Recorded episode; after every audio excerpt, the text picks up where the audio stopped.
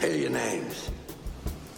Mr. Brown, Mr. White, Mr. Blonde, Mr. Blue, Mr. Orange, Mr. Pink. Why am I Mr. Pink? Because you're a faggot, all right?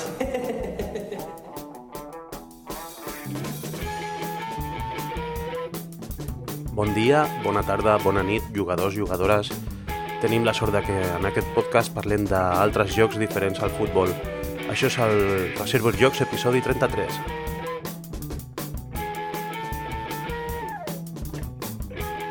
Va, però que perdi el Barça tampoc és motiu per entristir-se, no? Perquè, de fet, quan acabem de gravar aquest podcast fem les maletes i ens anem, ens anem de vacances. No sé si vosaltres eh, tindreu vacances també o no, però si les teniu que, que les gaudiu molt.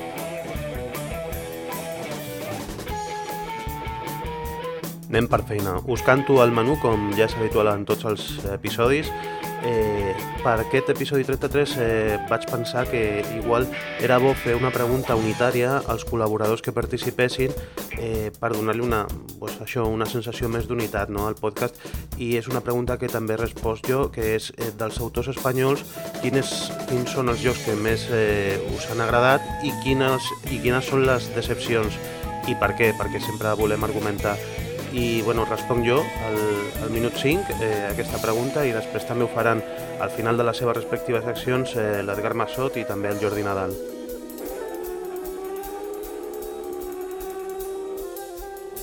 Al minut 9 tenia una entrevista que van fer a l'Enric Aguilar, l'autor del joc de cartes en valencià La Fallera Calavera.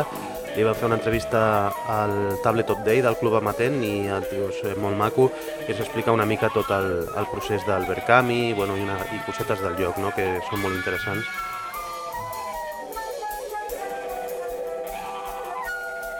Passem ja després al minut 23 i mig, on l'Edgar Massot, eh, Mode Cubos, ve amb la seva secció llicència per jugar i ens fa una secció una mica diferent, ens explica el seu mètode per destriar jocs eh, dels que es queda i que no es queda a la seva ludoteca. Eh, són el que jo dic, les tres partides de gràcia i, i bueno, jo ho comparteixo també aquest mètode i feu-li cas perquè té molta raó.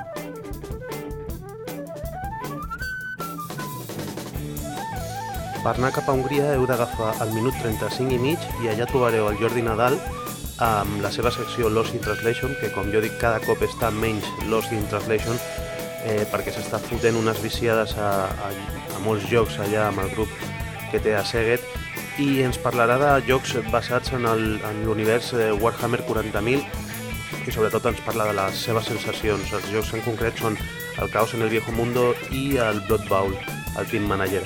Eh, és això, són les sensacions i bueno, la secció està molt bé, ja veureu, aprendreu moltes coses també.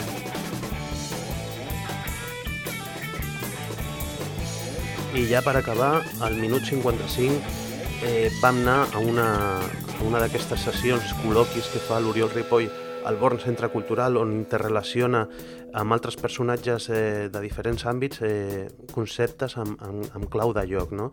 I en aquest cas tenim l'Albert Castellón, que és, eh, bueno, ara mateix és conseller estratègic de la marca Moritz, eh, de la cervesa de Barcelona, i eh, jo, jo tinc la punyeta de que quan vaig revisar l'àudio és com un doble de veu, no? No sé si jutgeu vosaltres mateixos si no us recorda una mica a l'expresident del Barça, Jan Laporta. Eh, bé, fora conyes, el que diu és superinteressant, eh, donen tres claus en la creació d'una marca i ho relacionen amb, amb, amb aspectes del joc, no?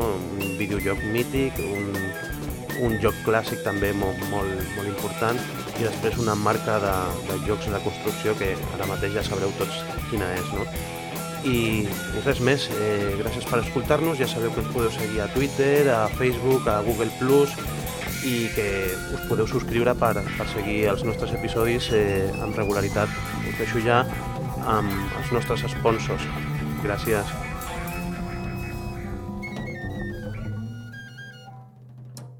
El 99% dels jocs dels que parlem al podcast els podeu trobar a les botigues patrocinadores del Reservoir Jocs, Jugar per Jugar a l'Avinguda Gaudí número 39 de Barcelona i Zigurat Jocs, al carrer Marconi número 2 de Castelldefels. Per aquest episodi havia pensat fer aquesta, aquesta prova, aquesta experiència pilot, no?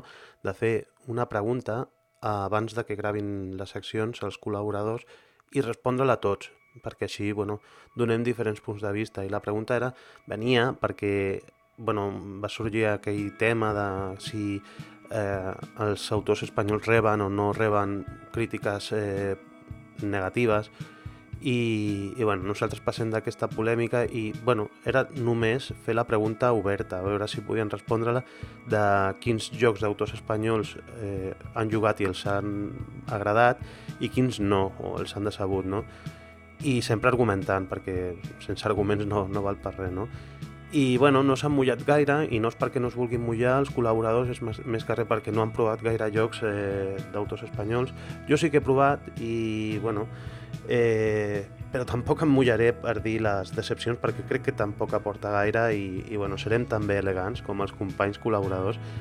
I, i diré un, un joc que sí que m'ha agradat molt. És un joc que ja té un, un temps, és un joc de 2008 d'un autor madrileny, penso que és que és el Daniel Val i el joc es diu 2 de Mayo. És un joc que ha guanyat premis o ha estat nominat també a diferents premis eh, a nivell internacional a la BGG posa que és un wargame, però no és exactament un wargame. Eh, els que juguen a wargames eh, purs saben per què no és un wargame. Però sí que es relata els fets de, del 2 de maig del 1808 a Madrid, eh, on la població civil es va rebel·lar contra les tropes eh, franceses, no? I per què m'agrada el joc i per què el recomano? Perquè és un joc amb el que aprens, o sigui, jugant aprens coses i, i bueno, té el flavor aquest, no? Et deixa eh, pues, eh, això, això, aprenentatges, no? I jo, per exemple, llegint les instruccions, eh, l'episodi de les costureres és, és brutal, per exemple. Jo no sabia que les costureres eh, sortien amb, amb els estris de cosir i es ficaven a sota dels cavalls dels, dels militars francesos per tallar-li els arnesos de, de les cadires perquè caiguessin els soldats i els altres civils els, els acabessin rematant a cops eh, i elles morien, no?, trepitjades pels cavalls Coses així, que un joc et marqui com una pel·lícula, quan veus una pel·li i dius, hòstia, aquella escena, pues a mi em va marcar això, saber que com estaven de desesperats els, els madrilenys eh, d'aquella època per sortir així de desesperats i, i anar contra els militars, no? I, i bueno, és un joc asimètric, eh, és un joc eh, bueno, amb un motor de cartes, eh, funciona molt bé, dura 20 minutets, 25 minuts, fins i tot ha tingut una edició internacional per Griffon Games i bueno, aquí a Espanya pues, no sé si és que no s'ha mogut gaire o què, però el joc val molt la pena i, i bueno, sobretot és això per, pel tema històric que té. I, i ara crec que bueno, ja fa un temps que va sortir l'expansió de Assalto al Palacio Grimaldi. Suposo que acabarà caient perquè el joc m'agrada molt. Encara em queden moltes partides per fer amb el joc eh, sense expansió perquè té força re rejugabilitat i és un lloc que recomano. O sigui, si no el teniu encara, eh, crec que encara es pot aconseguir bé de preu, 2 de maio, i res, això, de Daniel Val, i crec que sí, que va sortir un article a la premsa de Madrid i, i parlaven del Daniel Val, que, bueno, són autors que estan una mica en segona línia, però són molt bons també i s'ha de parlar d'ells, i això, eh, proveu el 2 de maio i, i jutgeu i em dieu, si voleu, als comentaris eh, què us sembla.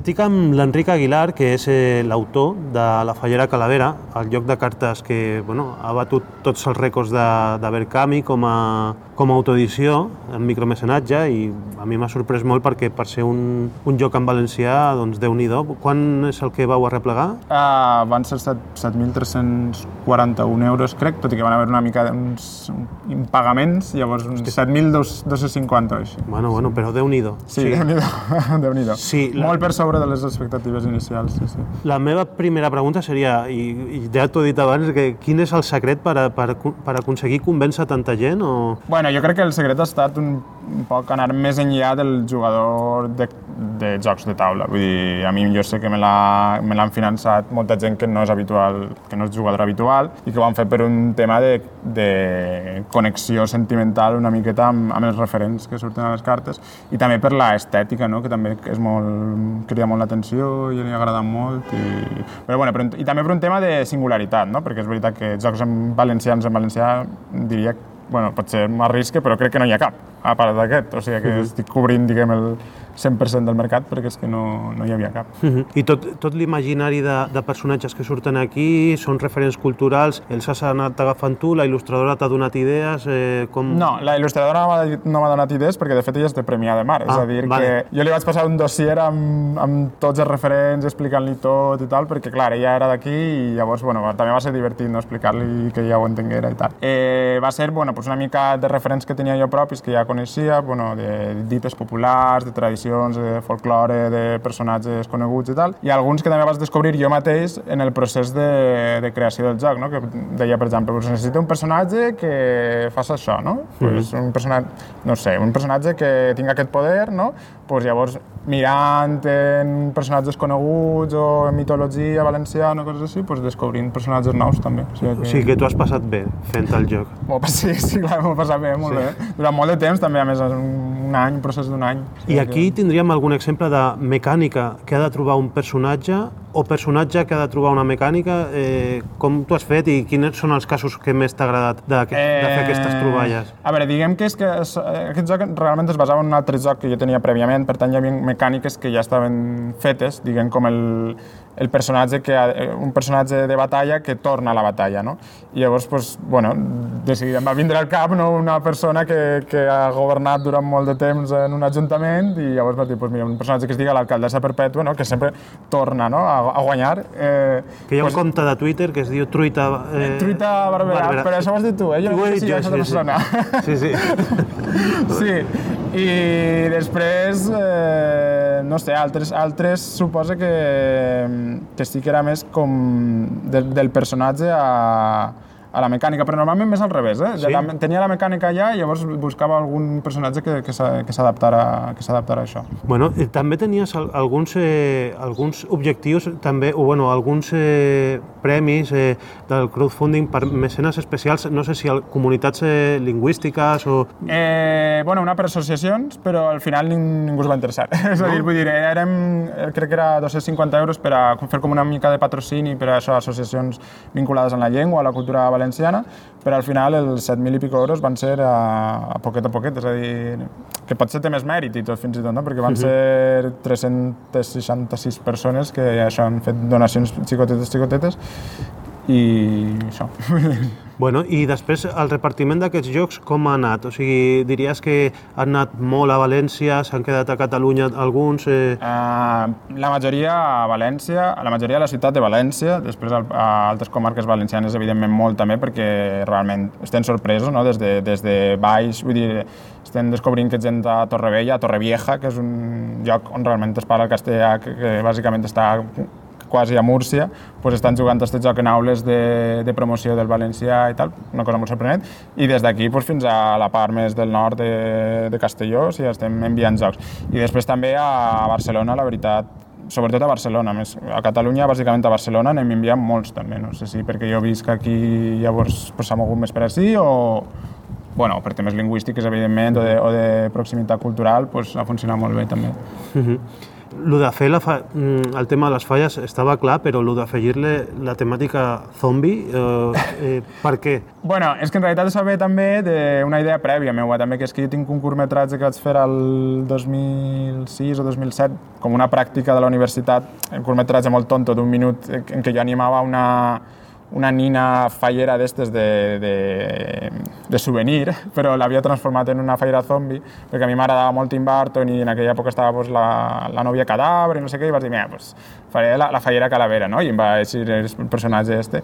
I a partir del curtmetratge este d'un minut, que el vaig penjar a YouTube i, bueno, pues, va així causar com prou gràcia, pues, vaig dir, pues, mira, fem tot el mateix, però amb tots els personatges, pues, tot zombis, no? I no sé.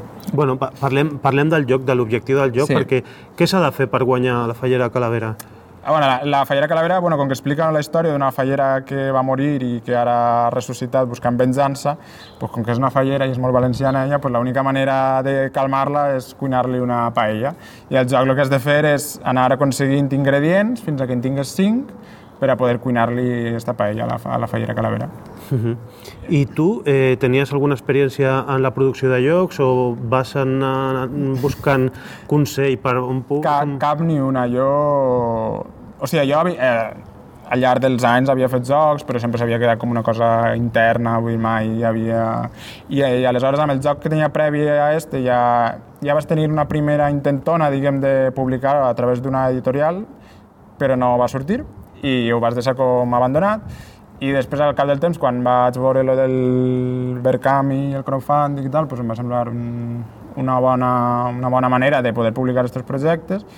I bueno, al principi la veritat és que volia que fos una cosa més barata i més petita i més modesta, diguem, però bueno, vaig anar animant també al veure els resultats d'altres Verkams, d'altres crowdfundings, que bueno, per a mi un referent a nivell de producció va ser la, la puta de la Ramoneta, que és un joc que s'ha fet aquí també, perquè quan el vaig finançar i vaig veure com havia estat el resultat, la qualitat de les cartes i tal, doncs vas dir, pues jo mm, també vull, saps? que el resultat sigui com a mínim així, no?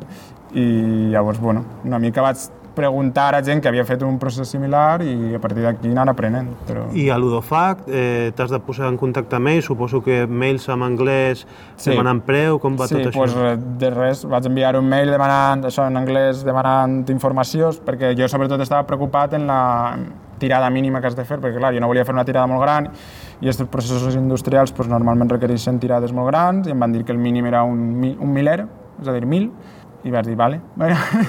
I em van dir el pressupost i, bueno, van ser uns 4.000 i pico. Però, bueno, clar, n'hi havia diferents models, em van, clar, eh, depenent del format, pues, més barat o més car, i al final jo vaig triar... De fet, les meves cartes abans eren d'un tamany, ara són d'un altre, precisament per adaptar-me al format que em demanava l'Udofac, a la per planxa. que, per a que fora més, més, més, més econòmic, diguem, perquè ells poden fer... Això és, tipus, és carta de tamany bridge, però pot ser una carta tipus pòquer, que són com les de Magic, una mica uh -huh. més amples, i jo les vaig reduir a les tipus bridge, justament perquè capigueren en, en este format. I el número de cartes i tot això també et vas haver d'ajustar 55, 110... No, el número de cartes són, són més flexibles, jo des de sempre havien sigut 100 i els vas demanar per a 100 i bueno, després amb el, amb el micromecenatge com que van sortir recompenses i tal, doncs ho vaig ampliar a realment aquí cartes hi ha 108 i bueno, es va adaptar bé. El número de cartes no, no és tan problemàtic. Diguem. Parlem dels premis que vas eh, acabar d'afegir al, al joc inicial. Què, què, què es va aconseguir? Sí, bueno, eh, l'objectiu inicial eren 3.500 euros i al final van més que doblar i el que vam fer crec que va ser amb 5.000 euros hi havia un premi que era una carta nova que amb 5.500 hi havia cartes de referència afegides o cartes d'instruccions i en 6.000 una altra carta nova. I una mica la gràcia és que la, les cartes aquestes les, va triar, les van triar els propis mecenes, primer proposant-les i després eh, votant. I bueno, les que van sortir va ser la, la moixaranga del Gemesí, que és un, bueno, unes construccions humanes similars als castells catalans, als castellers, i després en segon lloc va sortir també bueno, una carta una mica així de crítica política, per dir d'alguna manera, que és l'aeroport fantasma, en referència a un aeroport que no té avions, no? Sí. que tots coneixem el cas. I, bueno, una mica també, per donar-li un poc d'humor, doncs va sortir aquesta carta. I aquestes cartes sí que es van afegir a última hora. Jo al principi no li volia donar valor jugable perquè, clar, això és, potser no ho sembla, però això s'ha provat moltes, moltes, moltes vegades, i llavors introduir dues cartes noves pot realment alterar l'equilibri del joc, no? Però bueno, al final vam provar i tal, i bueno, este és el cas d'una carta que va sortir una mecànica no? a partir de la carta, és a dir, jo, jo vaig dir què pot fer l'aeroport fantasma i al principi volia que fos una carta pues, absolutament inútil, no? com, com l'aeroport, que no serveix per res, però després vaig pensar, bueno, sí que fa una cosa l'aeroport aquest, que és que té una plaga de, de conills, no? i llavors vas dir, pues, com que hi ha un ingredient que és un conill, pues, que sigui una cosa que reprodueix conills, no? i llavors si tens l'aeroport i tens un conill, pues, el conill se't multiplica per dos. I ja és un que... segon ingredient. Exacte. Sí, sí. Sí, sí, has parlat de la crítica política. Quina repercussió ha tingut el joc? Eh, no sé si has vist crítiques a València o ha sortit en premsa... Eh... No, no se li ha donat gaire importància a l'aspecte polític, cosa que a mi m'alegra, perquè tampoc vull ficar-me en aquests jardins, no? Eh, evidentment, qui sàpiga trobar-li la lectura política li la podrà trobar, perquè, bueno, hi ha alguna no? Sí, sí, sí. I, però bueno, no, no, crítiques, no sé, m'ha criticat més en, en fòrums, he vist i coses així, pel fet de la llengua, no? d'en quina llengua està, però és que per a mi aquest joc no, no pot estar en una altra llengua. Una altra. No, no, com, si és un joc sobre cultura valenciana, pues com no va estar en la nostra llengua? És que no... Uh mhm. -huh. Perdria tota la singularitat. Vull dir, no... En cap moment em vaig plantejar fer un joc així en castellà. I no tinc res en contra dels jocs en castellà, òbviament, però seria un altre joc que, que faria en castellà, no, no este. Pues no parlem de política, parlem de cultura. Dius que sí que s'ha utilitzat, eh, s'està utilitzant com, com, com un joc per, per introduir la cultura mhm. valenciana uh -huh. a jocs on, on no és massa present, uh -huh. no? Mhm. Quina, quina és aquesta experiència? Bueno, mm, a veure, jo no ho sé, vull dir, això és un joc per a, per a divertir-se, no? Però, -hmm. per exemple, els meus pares que són mestres sí que reconeixen el, el valor didàctic que realment pot tindre aquest joc, no? Perquè introdueix pues, personatges populars, eh, dites populars, fraseologia... A més, pel sol fet de que, de que estigui en valencià, pues, ja realment és super difícil trobar coses en valencià a, a les comarques valencianes, vull dir, no, no, però ni cine, ni tele, ni res. Mm -hmm. O sigui que realment un producte d'oci que estigui en valencià ja té un gran valor didàctic i, bueno, no? I casos com el que et dic, que bueno, això ho vaig veure per Facebook, no? que són en aules de, de promoció del valencià en territoris on són majoritàriament castellanoparlants que s'estiga utilitzant per a fomentar la llengua, pues, per a mi m'omple de satisfacció, la veritat. Sí, sí. I bueno, eh, hem parlat amb conya així fora de micros. Eh, hi haurà expansió, Fallera 2 o, o... Ah, no ho sé, perquè primer he de veure com... Clar, jo ara he fet, un... he fet una quantitat per a intentar col·locar-los al marge de al marge del Berkami i si es ven bé, pues, boníssim, la gent m'ho demana, pues, per què no? És un joc que, que permet fer expansions, és a dir, permet introduir noves cartes i podria fer-se, si la gent ho demana, es farà. Sí. I, bueno, ja ho demanaríem que sigués la mateixa il·lustradora, no? Perquè la feina és excel·lent, no? Evidentment, l'Ester Méndez eh, ha fet una feina pues, realment brutal, vull dir, jo estic molt content. Bueno, vam començar fent una prova, ja quan va fer la prova, que va ser el, el personatge de la Delicada Gandia, pues, ja em, em vaig quedar encantat i bueno, jo ja la coneixia ja pels dibuixos que feia, que és una il·lustradora infantil de Premià de Mar, i bueno, no sé, va, va, va donant el clau, perquè és justament el que buscava. Realment. I tu creus que igual li ha obert una porta mm, en, en un sector que igual ella no coneixia, que són jo, els jocs? Com a mínim, jo pot ser, eh? perquè ella, jo crec, bueno, ni ella ni jo ens esperaven tanta repercussió, no? però molta gent que realment ha conegut Esther per, per aquest joc, i pot ser, per què no? Vull dir, si realment entre els jugadors està agradant tant les seves il·lustracions, doncs potser és una porta, sí, sí. Uh -huh. I projectes de futur que no sigui ja vinculat a la Fallera Calavera, tindries algun altre? O... Re respecte a jocs? Sí. Eh, bueno, no, tinc idees. Tinc idees i a, i a vegades pense, bueno, com funcionaria algo similar, però, per exemple, amb, amb personatges catalans. O, uh -huh. no sé, podria ser, per exemple, no sé. Sí, sí. Però idees. Ara mateix estic massa liat amb això. Bueno, sí que... doncs eh, moltes gràcies, Enric, per eh, participar i explicar eh, i, i fer una partida de demostració sí. perquè és com millor s'entén el joc i bueno, pues esperem a veure si, si surt alguna coseta més o cartes o el que sigui i gràcies també per descobrir-nos a la il·lustradora que, que ens ha agradat molt també la seva feina. Vale, gràcies a tu i, bueno, i enhorabona Esther també des d'aquí. Sí.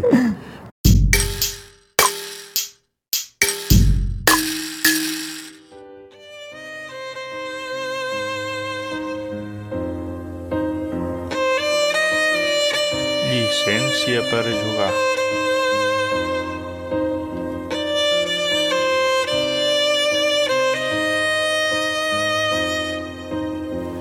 Hola i benvinguts a Llicència per a jugar. Avui, a diferència de les altres vegades, no parlaré d'un joc en concret, sinó que parlaré de, de varis jocs a la vegada, tot lligat amb, amb el tema d'avui. I és que l'altre dia em van preguntar, no sé si a través d'un fòrum o a través de Twitter, eh, quantes partides necessitava per saber si un joc m'agrada o no. A priori sembla una pregunta una mica estranya, ja que amb una partida sembla que n'hi hauria d'haver prou per saber si un joc ja t'agrada o no. Però, tot i que abans era els que pensava així, diverses vegades he trobat algun joc que en una primera partida no m'ha agradat gens i directament el, el havia descartat i llavors, doncs mira, perquè algú te'l comenta o així, l'acabes tornant a provar i s'acaba convertint en un joc que t'agrada. Llavors ara no és que sigui una norma fixa, però normalment intento jugar un mínim d'unes 3 partides a un joc abans de decidir si, si és un joc per mi o que es quedarà a la meva col·lecció o que l'incorporaré o que en sortirà. Eh, la primera partida normalment sempre hi ha alguna regla o, que es fa malament o, o no tens prou coneixement del joc com per saber si aprofundir a les estratègies o, o fer les coses eh, com el joc ha estat pensat, diguéssim, per ser jugat. En segona partida ja amb la ja saps més cap on vas, què pots fer, què funciona, què no, què no va bé, i pots ja anar a provar realment el joc com, com toca, a part de corregir alguna, alguna petita equivocació de, de les regles.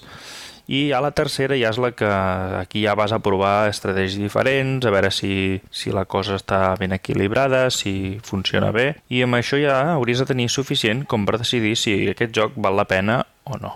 Doncs bé, al llarg de la meva vida com a jugador m'he trobat dos tipus de jocs que pots classificar amb la primera partida. Un d'aquests tipus són els jocs que la primera partida et deixen bastant fred o, o indiferent i que necessites més partides per acabar decidint si t'acaba d'agradar aquest joc o no. Així, per exemple, us podria parlar de jocs que m'hagi passat això, que podrien ser el Kingdom Builder o el Glass Road. Uh, el cas del Kingdom Builder vaig trigar bastant de temps abans no vaig tornar a voler fer una partida en el joc. El cas és que la col·locació dels primers assentaments pot marcar ja directament el rumb de tota la partida i inicialment, no sé per què, em va semblar que el més lògic era que amb la col·locació d'aquests assentaments havia d'intentar tocar el màxim de terrenys possibles perquè així em podria expandir eh, en diferents direccions. Això, al, contrari del que jo pensava, el que feia és que cada cop que sortia una carta, la, la ubicació on podia col·locar els meus assentaments ja estava gairebé predeterminada. De manera que semblava que el joc es jugava pràcticament sol, que no hi havia cap mena de decisió i que eh, no tenia cap mena de sentit. No va ser fins més endavant que, escoltant un, un podcast, vaig eh, escoltar com explicaven que el, el que s'havia de fer, o la, el moviment lògic, o el moviment encertat, és intentar eh, col·locar els teus tres primers assentaments de manera que no toquin a més d'un dels terrenys. De manera que quan et surti la següent carta, si no és el mateix terreny on has col·locat, podràs escollir un altre lloc on començar la, una altra línia d'assentaments. De manera que si tens dos o tres llocs on has col·locat assentaments, en futures cartes ja no tens un lloc predeterminat, sinó que tens dues o tres opcions on poder col·locar aquells assentaments. I aquí el joc ja comença a tenir la, la, la seva gràcia. Eh? De la mateixa manera, ja us en vaig parlar en altres episodis, em va passar amb el Glass Road.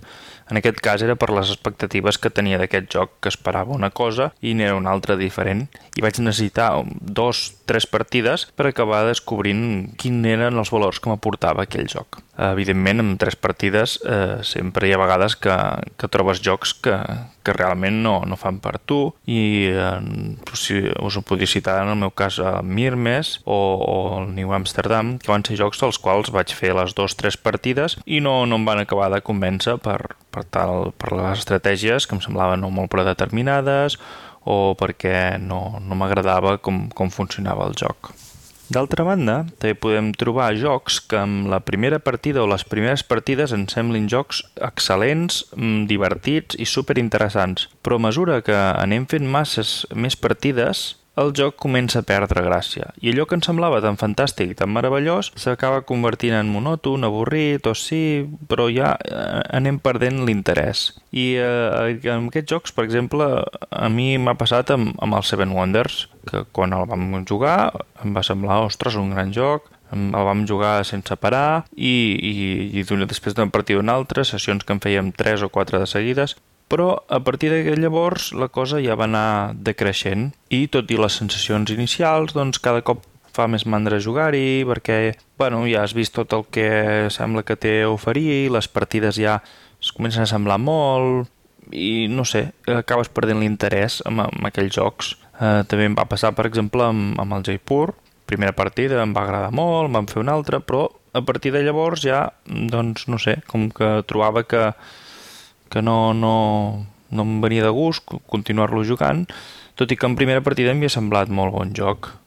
Dominion també és un altre joc que, que m'ha passat que al final m'ha fet cada cop més mandra, tot i que quan va sortir doncs, vaig comprar el joc, més alguna expansió i, i m'agradava, però a mesura que hi vas fer més partides no, encara no he trobat ben bé el que, per què, però de cop deixes de, de voler jugar-hi. Eh, potser és perquè vas passant, diguéssim, etapes dintre de, del món lúdic i quan, quan inicies en, el, en, el, en aquest món dels jocs de taula doncs tens una col·lecció molt més eh, limitada i, i qualsevol cosa que provis et sembla fantàstica i, i la repeteixes sense parar i, i però a, a mesura que, que augmenta, diguéssim, la col·lecció, doncs els teus criteris o els teus gustos es van definint cada cop més bé i jocs que potser abans, perquè, mira, tenies 3 o 4 que et semblaven que estaven molt bé, doncs ara ja vas tirant cap a una altra banda i aquells jocs ja no, ja no els toques tant. Per això a vegades és interessant també, per exemple, en Tom Bassel, que fa cada any ell fa una mena de rànquing dels seus 100 jocs preferits i va veient com, com van canviant perquè una cosa que passa amb els rànquings és que, per exemple, si tu ara entres i mires com vas valorar un dels primers jocs que vas jugar de, de la teva col·lecció i mires les partides que estàs fent actualment, doncs probablement no s'assembli en res, perquè abans potser t'agradava moltíssim i ara, doncs, que has descobert més coses o tens més jocs, doncs no, ja no sigui entre els teus preferits. I ell al fer aquest, aquest 100 de cada any, doncs va reajustant les seves prioritats i les seves preferències i pots veure si hi ha jocs eh, antics o jocs nous o, o, o un equilibri entre, entre els dos. I és una cosa que trobo, que trobo molt interessant i que penso que algun dia seria bo que, que tots féssim aquest exercici d'anar reavaluant re, els jocs que tenim perquè ens podríem endur alguna bona sorpresa. Doncs bé, per anar tancant ja una mica, jo sempre us recomanaria que intenteu fer almenys dues partides a un joc de taula abans de, abans de jutjar-lo perquè és molt fàcil caure en l'error o en una regla mal feta i que fa que els jocs canvin com la nit al dia. I si podeu també contrasteu les opinions amb altres persones que l'hagin jugat, perquè igual us ha passat alguna cosa per alt, alguna regla o el que sigui. I ara anem per la pregunta que ens ha plantejat en Miquel, que diu així, dels jocs de dissenyadors espanyols que heu jugat, quin és el que més us ha agradat i quin és el que més us ha decebut i per què? Uh, he de dir que no he provat massa jocs espanyols i el motiu és perquè uh, a mi m'agraden els jocs, uh, diguéssim, més d'orillos, d'aquells que t'exprimeixen les neurones. I eh, m'imagino que com que el sector espanyol encara està una mica verd, és una mica jove, i les editorials aposten més per, per productes més familiars, que segurament són molt més fàcils de vendre i tenen una demanda molt més gran que no pas els jocs que, que a mi m'agraden. De totes maneres, eh, ja han sortit jocs de, del meu estil i el que, per a mi el, que, el millor que he provat ha estat Polis, Fight for the Hegemony, que és un, un joc de dos jugadors a cavall entre joc de civilitzacions i wargame molt lleugeret i amb una important també gestió de, de recursos que realment està molt i molt bé. Ens enfrenten Grècia contra...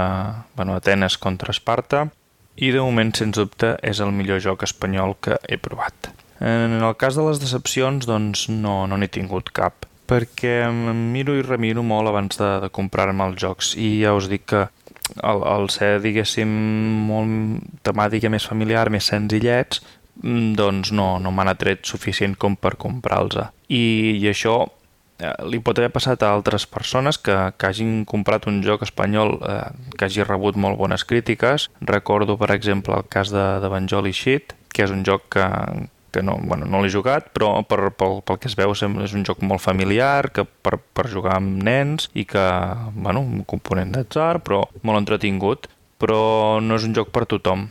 I si els seus autors espanyols eh, és possible que els blogs en fem una cobertura més especial o hi fem més, més atenció, per tant arribi també a molta més gent i, i s'emportin impressions el, al parlar-ne més o això, doncs eh, es, es distribueixi més o es compri més i arribi a, a, a persones que no són el target d'aquell joc, persones que no... Aquí aquell joc no està fet per elles. I llavors eh, s'enduguin decepcions o es pensin que, bueno, doncs, que, que aquest joc s'ha publicat perquè l'autor té molts amics o per coses d'aquestes que no tenen cap mena de sentit.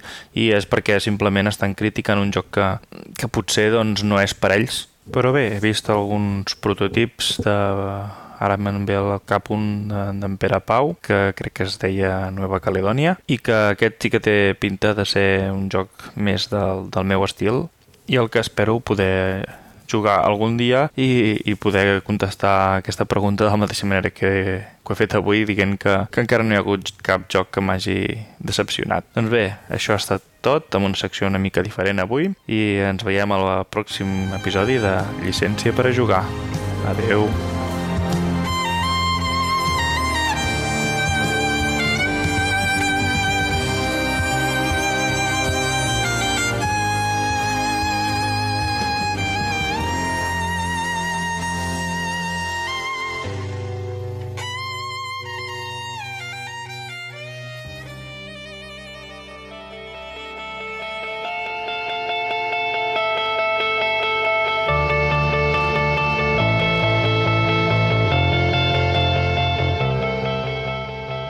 què tal companys? Benvinguts a la secció Lost in Translation. Us parla Jordi Nadal des de Seguet, Hongria. Avui tenim un programa normal, doncs com els que feia al principi, de parlar jocs de taula i de, comentar partides i amb una mica de sort en podré comentar més de dos perquè avui començarem amb un joc força, força complicat i que crec que em portarà estona.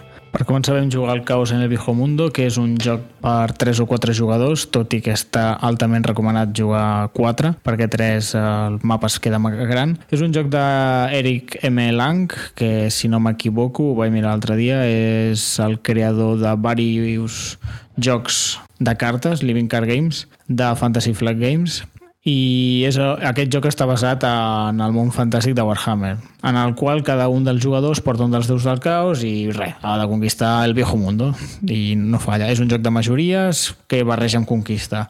Ara vaig a intentar explicar en un minut com es juga aquest joc i és molt complicat, perquè jo de fet em vaig haver de mirar un vídeo, que, o sigui, un vídeo tutorial que vaig trobar al YouTube d'un tio que des d'aquí li dono gràcies, que s'havia currat un vídeo d'una hora explicant com es juga. És un joc molt complicat i jo suposo que també en part per això no se'n parla gaire, perquè és, és de difícil accés. Doncs res, vaig intentar-vos explicar molt per sobre com es juga. Doncs cada jugador porta un dels déus del caos, tots els déus són diferents, o sigui, cada jugador portarà un exèrcit que està format pels cultistes, guerreros i un déu del caos. O sigui que ve, ve a ser tu mateix. Llavors, els cultistes el que fan és no poden atacar, però al final del torn posen tokens de corrupció, que això t'ajuda a destruir les, les terres, que al final de quan està destruïda et dona punts. Llavors, els guerrers serveix per atacar a les altres tropes dels altres exèrcits el déu del caos, el que t'ajuda és en combat. Bàsicament té molta vida i, i pega molt fort. Com es fan els combats en aquest joc? Doncs tirant daus i a 4 o més mates a gent. En aquest sentit és molt senzill, però bueno, en altres sentits és més complicat. I bàsicament, només ja per acabar, com es guanya la partida? Es guanya la partida qui fa 50 punts primer o qui arriba al final d'un track que té cada jugador, en el qual el pots avançar depenent si compleixes uns requisits cada torn. Per exemple, si no m'equivoco així, Nurgle cada cop que ficava dos tokens de corrupció amb els cultistes a una zona populosa, eh, doncs ficava un token d'aquests. O sigui, una, una zona populosa venia a ser Estàlia, eh, Bretònia o l'Imperio, que vindria a ser Espanya, França i Alemanya, al mapa europeu, que s'assembla molt. Doncs així llavors ficaves un token i bàsicament així avançaves el, el track aquest per guanyar la partida pa, amb el track. Un cop que ja sabeu més o menys molt per sobre com es juga aquest joc, anem a comentar la primera partida. A la primera partida a mi el primer que em van dir és del pal. Jordi, que sàpigues que bueno, aquest joc es pot guanyar de dues maneres, però que és impossible guanyar per un del track de victòria, que és super difícil. Només Corne ho pot fer perquè per Corne és molt més fàcil avançar el track de victòria. Tots eh, sempre ens centrem a fer punts i intentar guanyar 50 i, bueno, i Corne fa la seva. Però jo em vaig mirar el track aquest i bàsicament eh, és veritat, al final del track et dona dona la victòria. Però durant el, els altres passos, eh, a vegades et donava punts i a vegades et donava unes cartes per millorar les teves tropes. I vaig mirar les cartes i a mi em van semblar molt interessants. I crec que és una cosa que, que pràcticament s'ha demostrat amb el anar jugant partides i és que és molt interessant aconseguir aquestes cartes i sobretot el més aviat possible. Una partida dura com a molt 8, 8 torns, si no m'equivoco, i si al segon, tercer torn pots avançar almenys una de les teves tropes, eh, tens molt guanyat. O sigui, la, les tropes milloren molt i, i ja tens cert avantatge sobre els altres. Llavors jo em vaig centrar en intentar avançar el dial, al igual que Corne. I, i em va funcionar força bé perquè eh, vaig avançar i el meu déu del caos eh, es va fer com molt poderós. I gràcies a això vaig fer forces punts i vaig, vaig ficar molts tokens de corrupció per tot arreu, bueno, per tot arreu, per les zones que a mi m'interessava, que era Bretònia i, i l'Imperio, i el que va passar, eh, com el que em passa sempre, és que vaig fer molts punts però no suficients per guanyar la partida en un torn i clar, el torn següent va ser un hòstia, mira el Jordi, quants punts ha fet, hem d'anar per ell, hem d'anar per ell, hem d'anar per ell, i bueno, ja sabeu que, com, com m'acaba això quan un no parla hongarès i els altres sí. Es va fer un complot contra mi i em van massacrar. O sigui, aquí ja em ve la primera reflexió que és del pal, hòstia, no, si és que al final ja no has de jugar bé, sinó que has de saber quan fer els punts, perquè si els fas massa d'hora, malament, ja l'has cagat. I jo ho anava dient, dic, a veure, és veritat, ara tinc molts punts, dic, però és que si no anem a per corne, en dos torns guanya, en dos torns guanya i ens rebentarà tots. No, però és que tu tens molts punts, bla, bla, bla, no sé què, res, no, ni cas, no em van fer ni cas i efectivament van anar molt per mi, ens vam oblidar de Corne i Corne va guanyar en dos torns. Llavors, eh, d'aquesta primera partida, la meva primera, la, la conclusió va ser és important avançar el dial aquest, el, el, el track que, que et porta a la victòria per avançar les cartes, perquè és que és superimportant, o sigui, les tropes quan es milloren es converteixen en molt més poderoses i, i tant per tant, doncs, surt molt a compte i, i no, tampoc et desvies tant de, de fer punts, o sigui, ja surt a compte. Després, Corne és molt poderós, o sigui, jo crec que està una mica descompensat a favor de Corne. Però, bueno, uh, Normalment el que un pensaria és hòstia, no vull jugar més perquè Korn és molt bo, està overpowered o com li vulguis dir, no vull jugar més. Però bueno, també l'altra lectura és hòstia, pues és un joc que és totalment asimètric, era super xungo fer-ho equilibrat, és veritat, Corne té avantatge, però això és un tots contra tots, o sigui, podem anar tenint tots a un compte Corne i, i intentar que no se'n vagi de les mans i, i anar-lo controlant. I, I això es pot fer perquè el joc, a part d'exèrcit, se m'ha oblidat dir-ho abans, però té, té moltes cartes i pots anar a jugar moltes cartes per putejar el del costat i sobretot per això, per controlar la corne. Un dels quatre exèrcits està com molt basat en controlar, o sigui, posar a tu aquí no pots venir, posar a tu t'envio un aquí cap allà i coses així. I es fa, es fa molt entretingut perquè quasi mai guanya aquest exèrcit que és Zench, el, el que és com més de màgia, quasi mai guanya jo mai l'he vist guanyar, però m'han dit que sí, que a vegades guanya. Però jo crec que és un jugador que s'ho passa molt bé, o sigui, va controlant i tal, i tens la sensació com molt de control de la partida. Després no guanyes mai, però bueno, és necessari per controlar Corney que no guanyi, perquè ho té més fàcil. A la segona partida, si no m'equivoco, sí, a mi em va tocar ser Zench, el déu, el déu que és divertit de jugar però que mai guanya, i res, vaig intentar fer el mateix, vaig intentar avançar el dial, però perquè veieu ho aleatori que és aquest joc, per Zench és molt més complicat avançar el dial no us explicaré exactament com, però bàsicament és molt més complicat. I no només això, sinó que al principi del torn, de, bueno, de cada torn, apareix un esdeveniment, que em sembla que és la traducció correcta d'evento, un esdeveniment aleatori que marca tota la ronda i les dos següents. O sigui, són com cartes passives que queden sobre la taula amb, amb uns efectes. Doncs va aparèixer una carta que el que feia bàsicament era que era encara més difícil avançar el, el, el track de victòria. No els punts, sinó el track de victòria. Era més difícil avançar-lo, que era el que jo volia fer per avançar les meves tropes. Doncs va ser impossible, no? I en tota la partida ho vaig intentar i no vaig poder. Tot i així, doncs, eh, la, la lectura positiva és que sense poder avançar això, crec que al final la partida sí, ho tinc aquí apuntat. Nargel i Slanesh van empatar 53 punts i jo vaig quedar 44, que no està malament. I el fet és que Corne no, no va fer absolutament res pràcticament en aquesta partida per dues coses, perquè va sortir aquest esdeveniment que era més difícil avançar el track de victòria, que és com guanyava Corne, bueno, com ho té més fàcil Corne per, per guanyar. I per altra banda, Zench i Slanesh, que són molt de màgia, el, el, el van tenir molt més controlat, o sigui, no, no vam deixar que matés a tanta gent. Perquè, clar, és que Corne es posa a matar gent i avança el track de victòria molt ràpidament. I en aquest sentit ho, ho vam tenir molt més controlat. La quarta partida que vaig fer va ser molt similar a la primera, tampoc cal explicar-ho, però em va tornar a passar el mateix. Vaig fer molts punts al principi i sí, és que a més me'n recordo. Vaig quedar en un torn, vaig passar com de 10 o 15 punts fins a 44 o 42 o així i clar, i el segon jugador em sembla que estava re, a 20. Va ser un complot total contra mi, i... però és el que passa amb els free for all. Jo després d'aquella partida vaig jurar i per jurar que no jugaria mai més aquest joc, que l'odiava profundament, perquè clar, estàs allà corrent l'estratègia i de cop pum, et quedes a 42 punts i de cop tens tres jugadors que tots s'encaren contra tu. Però clar, quina diplomàcia pots fer o, o estratègia o convicció pots fer servir contra qualsevol quan és del pal. No, no, és que si, si no t'ataco ja guanyes i és aquesta espècie de sentiment de no volem que acabi la partida o no volem que guanyis tu i, i res, que la partida s'allarga eternament fins que guanya una altra persona. I això és el que va passar, bàsicament. I aquell cop crec que va guanyar Corne. Per últim, fer, vaig fer una quarta partida i no en el mateix dia, eh? no, no sóc tan malalt. Eh, vam fer quatre partides en dies diferents i si l'última partida que vaig jugar vaig, vaig portar corne i no va haver manera de, de parar-me. O sigui, tothom era conscient de que si no, si no em controlaven jo guanyaria molt ràpid, però jo crec que si el jugues bé corne, si li dones a corne a un jugador experimentat, és, és pràcticament imparable. O sigui, jo crec que està descompensat a fora de corne claríssimament però bueno, ja, ja us dic, eh, crec que hi ha altres maneres de jugar-ho. També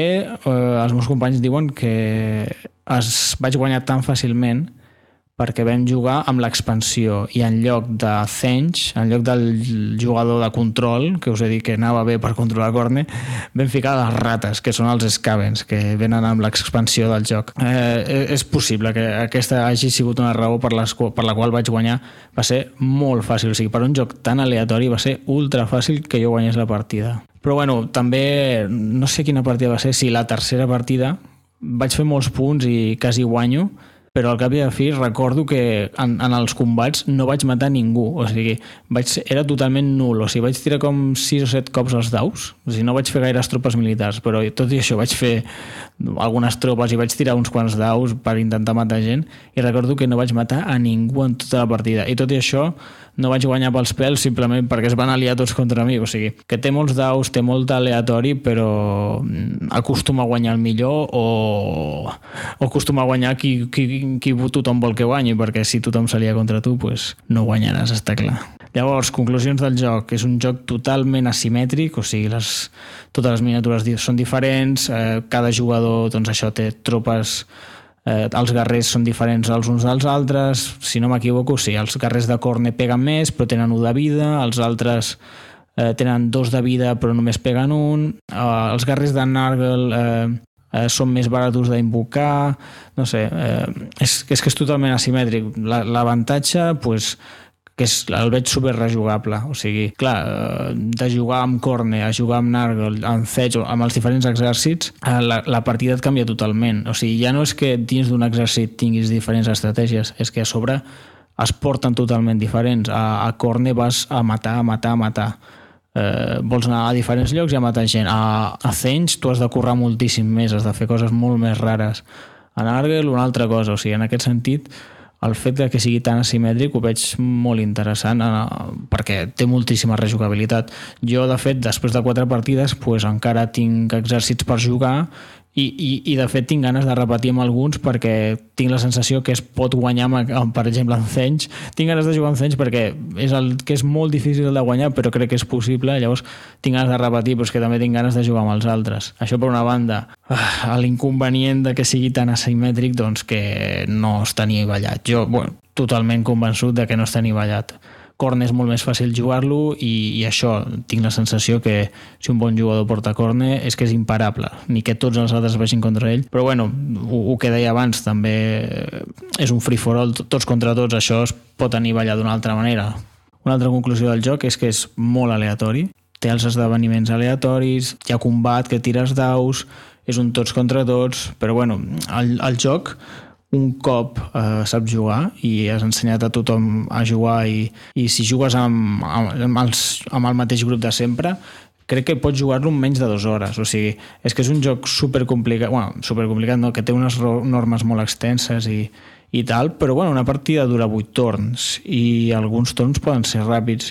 O sigui, és aleatori, però nosaltres els, crec que hem jugat, sí, cada dia que hem jugat a una partida, després n'hem fet una altra, o sigui, no és allò que t'estiguis 3 o 4 hores jugant i tirant 10 sense sentit. És aleatori, però almenys no dura molt la partida si, si tothom té pràctica al joc. Com a conclusió final, si sou el típic jugador que no feu més de dos o tres partides a un joc, jo no me'l compraria, perquè tinc la sensació que el comences a disfrutar com més hi jugues i a més a més agafar pràctica en aquest joc és molt important. Ja m'imagino algú comprar-se aquest joc, llegir-se el manual o mirar-se el vídeo d'una hora per aprendre a jugar, ensenyar a jugar que tardes també mitja hora més, jugues la partida pum, i t'estàs tres mesos sense jugar i després tornes a jugar, és que no te'n recordes de res. I agafes el joc i el llences per la finestra segur. O sigui, jo, jo és el que faria. En canvi, doncs nosaltres eh, hem jugat molt seguit i a més cada dia que hem jugat hem jugat dos partides i de fet abans que jo arribés pel que m'han comentat els meus amics doncs ja hi jugàvem força aquest joc o sigui, és per un tipus de jugador doncs, sempre de jugar amb les mateixes persones i això que no canvi molt de joc perquè és que si no és que se t'oblida i, i és que no et ve de gust jugar. Ja dic, té moltes,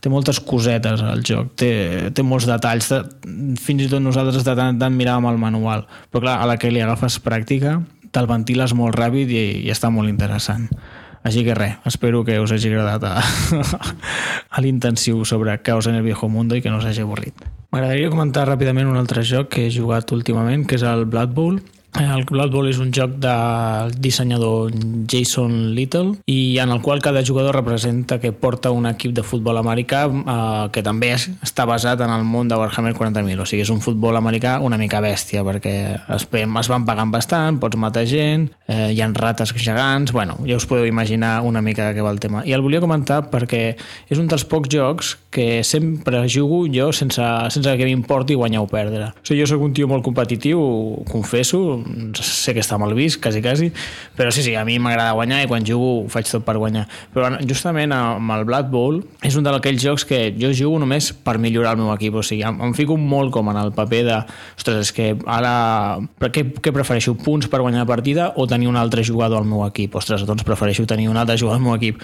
Què prefereixo, uns quants punts o una millora d'entrenador? De, Ostres, doncs prefereixo una millora d'entrenador. Sempre em passa, excepte l'últim partit, que ja no té més sentit eh, aconseguir més, més jugadors perquè ja no hi ha més partits després d'això. En l'última jornada sí que vaig a per punts, però és que si no sempre, sempre em passa el mateix. Després sempre perdo, eh? O sigui, no falla. Em sembla que potser de 10 partides que he jugat potser n'he guanyat una o dos com a molts, però és que ho disfruto molt més i, i justament eh, l'altre dia en, en un podcast parlant d'això, de la poca implicació immersió emocional que hi ha en els jocs de taula. Doncs justament jo el que vaig pensar, dic, mira, doncs el Blood Bowl és un joc de, de menys de dues hores i que a mi m'implica molt emocionalment perquè això de que vas millorant el teu equip i pots fitxar jugadors i, i hi ha molta interacció amb els altres jugadors i, i totes aquestes històries, no sé, a mi em fan molt ficar-m'hi i que em dona igual guanyar la partida. Només vull que el meu equip sigui el millor a l'acabar la jornada i que tingui els millors jugadors i els millors entrenadors i, bueno, qui ha jugat ho, ho entendrà millor, però només comentar que bueno, és un joc molt recomanable i, i que a mi m'implica molt emocionalment i volia comentar-ho i a més a més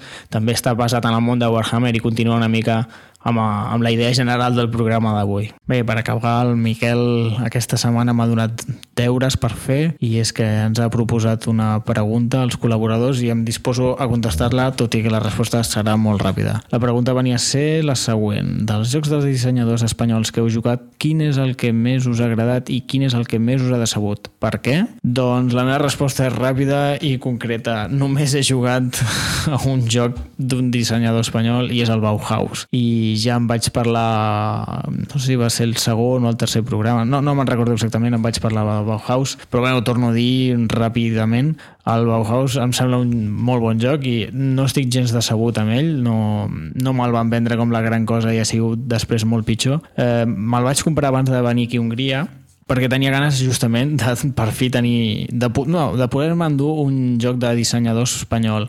I, i a més justament un dels creadors era català i l'altre si no si no m'equivoco crec que és d'Alicant. Eh, llavors em va semblar molt bona idea justament comprar-me el Bauhaus i després mm, pel que tenia entès doncs això era molt fàcil d'explicar un joc abstracte o sigui a mi em venia com, a, com en ell al dit em venia perfecte per la situació és a dir, sabia que canviava país que aquí la gent no parlaria uh, anglès, no tothom almenys, bueno, i, i que jo, jo no parlaria hongarès en molt de temps, seguríssim, llavors buscava un joc sense, sense text, un joc senzill, i sense jugar-hi, o sigui, em vaig llançar a comprar-lo doncs, doncs per aquestes raons, en part pel, pel dissenyador, que era de la Terra, i, i també perquè no, no, tenia, no tenia text. Llavors, en, en aquest sentit, a mi m'ha anat perfecte i un cop aquí, provant-lo i ensenyant-lo, m'ha anat superbé perquè ha sigut just el que necessitava, un joc senzillet per portar, eh, ha jugat molt ràpid, és molt fàcil d'explicar, tothom l'entén i hi ha, hi ha interacció entre els jugadors que és una mica el que jo buscava, també una mica per trencar el gel.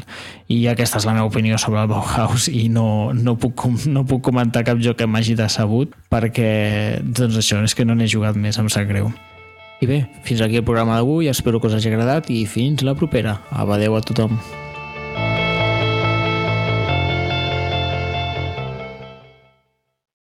Aquesta és la quarta xerrada d'un cicle que té per títol La vida joc i l'esperit d'aquest cicle és contrastar diferents situacions que la vida de la humanitat s'han donat en diferents àmbits amb si el joc ha fet exactament o més o menys el mateix que han fet altres àrees del saber, del coneixement. En aquest cas tenim tenim algú que juga a casa. Sempre portem un convidat, en aquest cas portem algú que juga a casa. L'Albert Castellón actualment és director d'estratègia de cerveses Moritz i una dada molt important quan parlem de joc, jugador de hockey. Una persona que ha estat 13-14 anys davant de, de la companyia Moritz i que durant tot aquest temps s'ha dedicat a construir aquesta marca, a fer que el que nosaltres tenim al cap quan ens imaginem la Moritz sigui el que ell i el seu equip volien que tinguéssim al cap. I aquí venia la pregunta, com es construeix una marca. I davant d'això, ell ens ha donat tres claus, tres mirades diferents. I de cada una d'aquestes mirades, jo he buscat un exemple que al llarg de la història de la humanitat el joc hagi fet, si fa no fa, el mateix procés. Comencem amb la primera.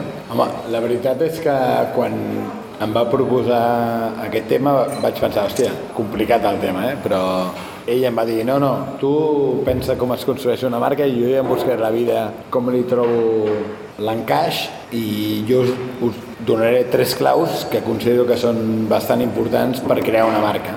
És la meva, diguem-ne que és la meva visió, no, no és la visió absoluta, vull dir, segur que n'hi ha més, segur que hi ha algun guru por ahí que, que, que té altres claus, però jo us donaré les que crec que que són importants a l'hora de crear una marca. I tinc tres, tres punts i crec que ho estructurem jo explicant, diguem-ne, una clau i tu donant-ne la, la digressió de com això es tradueix en el joc. No? La primera és que per crear una marca és fonamental que darrere una marca hi hagi una idea. Una idea vol dir mm, una idea, vol dir té que haver-hi alguna cosa que realment eh, aporti valor. És, és molt fàcil de dir, bastant difícil de fer, però realment una marca sense valor darrere no és absolutament res, per tant eh, és una clau bastant important de que una marca en el fons acaba sent el, el contingut de significat d'una proposta de valor molt potent. No?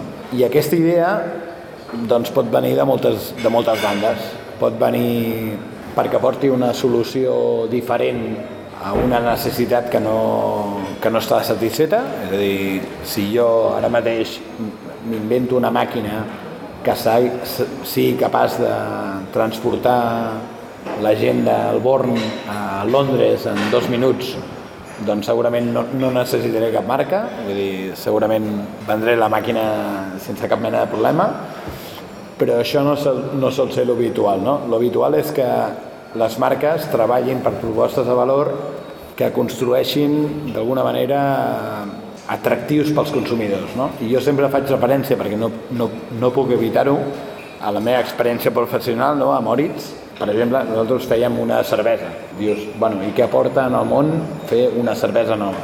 Doncs, home, bàsicament res. Si fas una cervesa, doncs fas una cervesa més, bona, dolenta, et pot agradar, et pot no agradar, però si aquesta cervesa té una marca darrere i una marca que defensa uns valors i que proposa un nou enfocament com tu t'aproximes a aquesta marca, crec que realment estàs fent el primer pas per això que dèiem, no? per, per l'objectiu que dèiem de que, quines són les claus per crear una marca. A partir d'aquí podria explicar moltes coses, podria dir-vos què hem fet a Moritz per crear una marca que sigui aspiracional, que sigui creïble, que sigui estimada, que sigui atractiva per la gent i en el fons tot plegat es basa en el que jo en dic proposta de valor. És a dir, Moritz, molt més enllà de ser una marca de cervesa, és una proposta de valor, és una, evidentment una cervesa, vull dir, això no podem dubtar-ho, però per sobre de tot aquesta, aquesta marca ha de portar uns valors, ha de portar un significat que el consumidor li apel·li. I dins d'aquest treball hi ha una cosa que en diem posicionament. Posicionament vol dir quins són els valors que defensa la nostra marca, quins són els valors que no defensa. Sempre dic que posicionar-se, és a dir, ten tenir un posicionament determinat és eh, renunciar, vull dir, si ets A no ets B, si ets B no ets A, per tant, eh, els punts mitjos solen ser molt poc efectius des d'un punt de vista de, de comunicació i des d'aquest punt de vista jo crec que ho hem fet bé.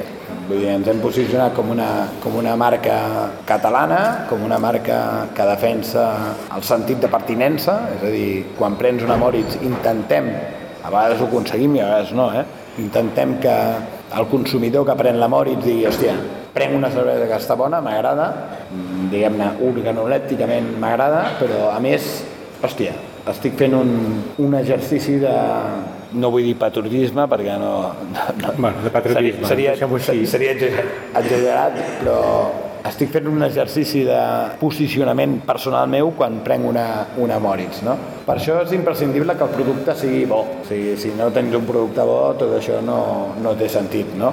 Però tenir un producte bo no és suficient has d'anar més enllà, has de crear un imaginari, has de crear una... Bueno, amb, amb, la, amb la nostra marca hem fet multitud de coses, algunes acertades, algunes desencertades, com sempre, però hem tractat de donar-li un, un context a la marca que faci que, que la gent realment se senti apel·lada quan, quan consumeix el nostre producte. I això és un repte que crec que, amb tota modèstia, hem fet des de Moritz, però que ho fa Amazon, ho fa Google, ho fa qualsevol marca que realment vulgui transcendir el simple producte. No? I des d'aquest punt de vista jo crec que l'Oriol és capaç de trobar un punt de contacte amb el tema del joc, bàsicament amb aquest esquema, no? És a dir, darrere una marca ha d'haver-hi una idea. Per tant, darrere un joc ha d'haver-hi una idea. Sempre hi ha una idea. Si no hi ha una idea, no anem Sempre enlloc. Una idea. El que passa és que està molt bé, quan t'ho dit, anem a aspirar a alguna cosa més que crear només un joc. I anem a buscar un exemple